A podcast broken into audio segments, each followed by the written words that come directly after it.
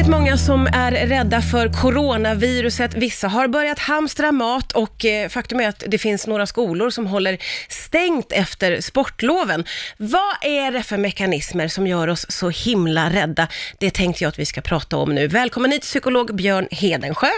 Tack för att jag fick komma hit. Du, får jag börja med att fråga hur vi människor instinktivt reagerar vid ett hot? Ja, precis. Vi är ju då, som jag brukar säga, grottmänniskor i moderna kläder. Ah. Så, att, så att vi liksom reagerar ju um, på samma sätt nu som förfäderna ute på savannen och sådär gjorde.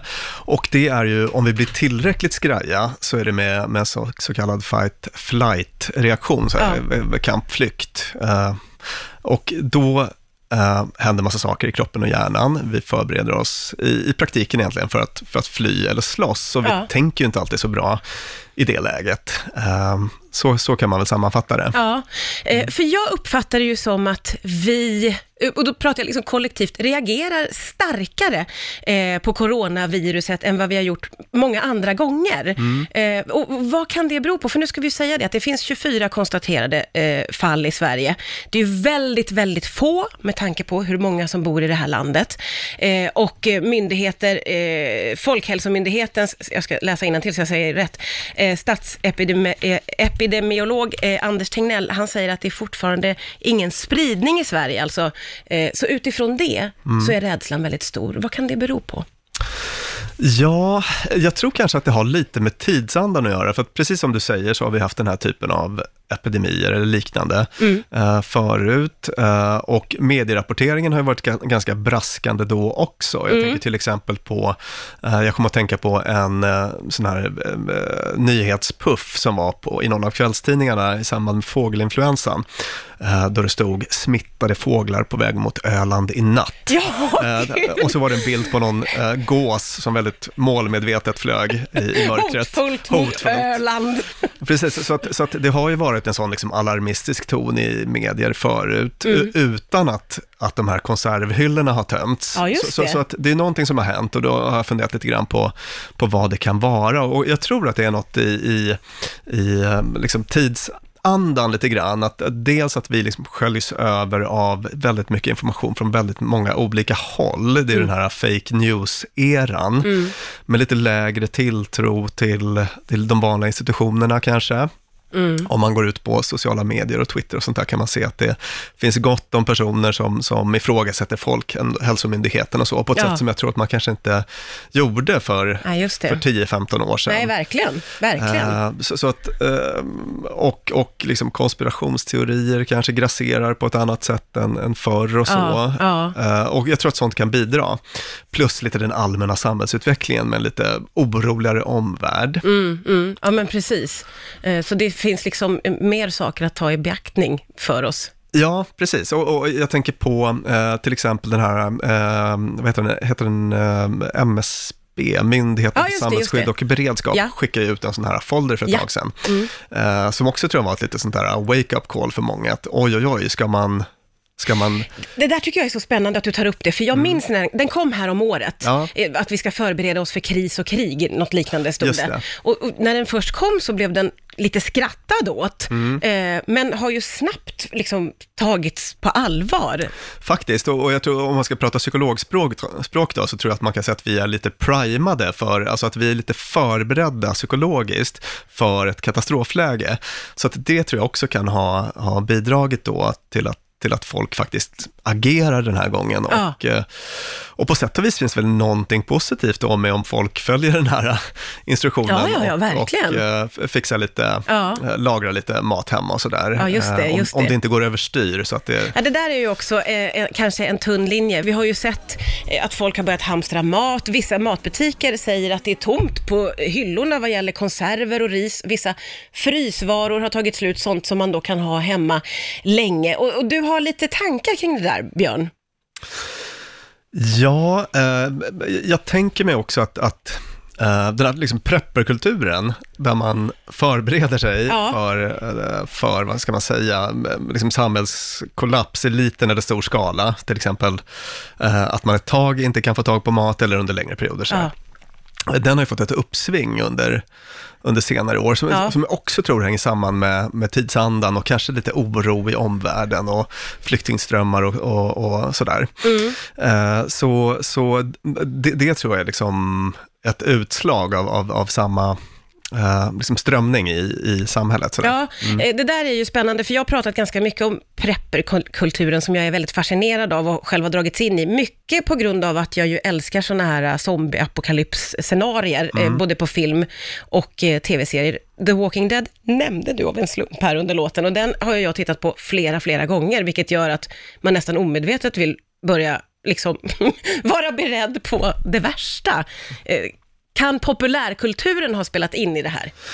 Ja, eller om det är tvärtom, så att säga, att, att, att det här har blivit väldigt populärt för att eh, för, för att det har någonting med, liksom, det fångar upp något i tidsandan.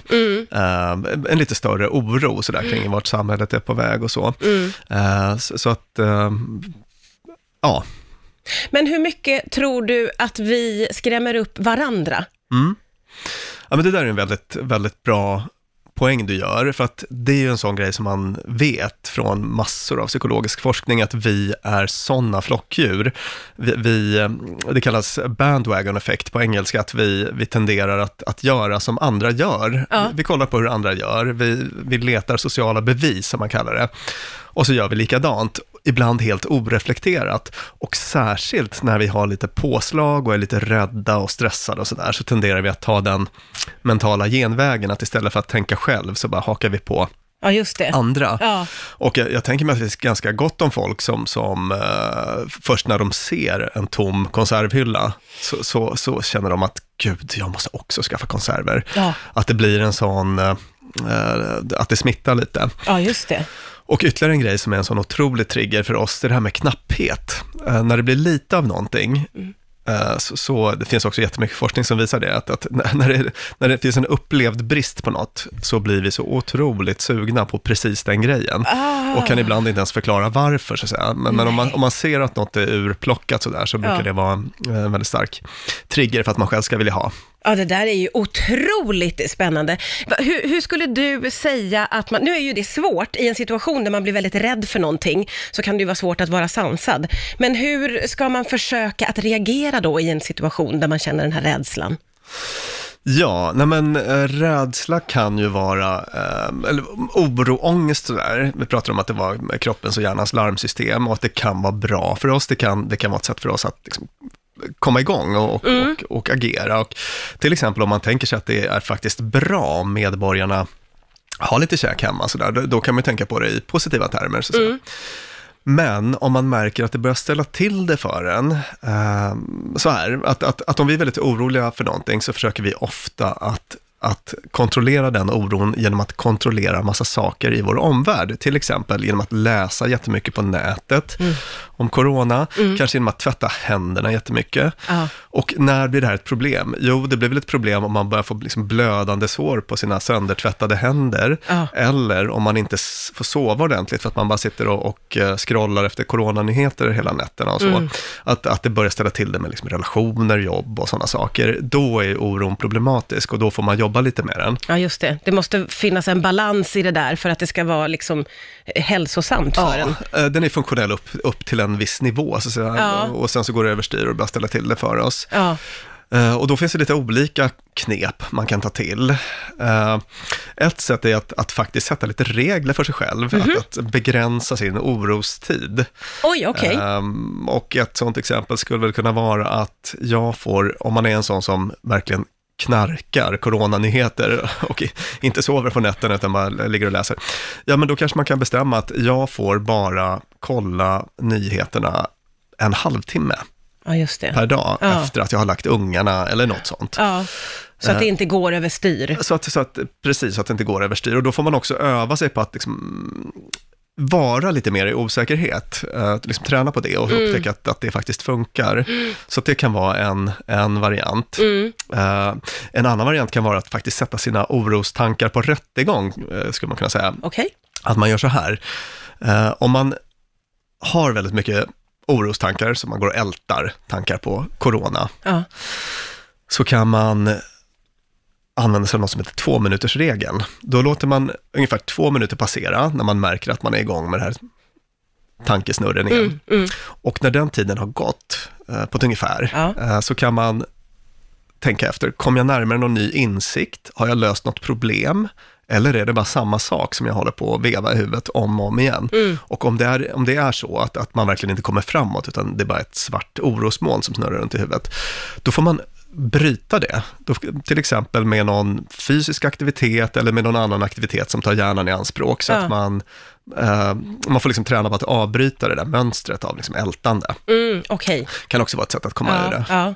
Det är väldigt eh, bra konkreta tips, måste jag säga. Mm. Eh, och med det så får jag tacka dig så jättemycket för att du kom hit till Rix idag. Tack för att jag fick vara här.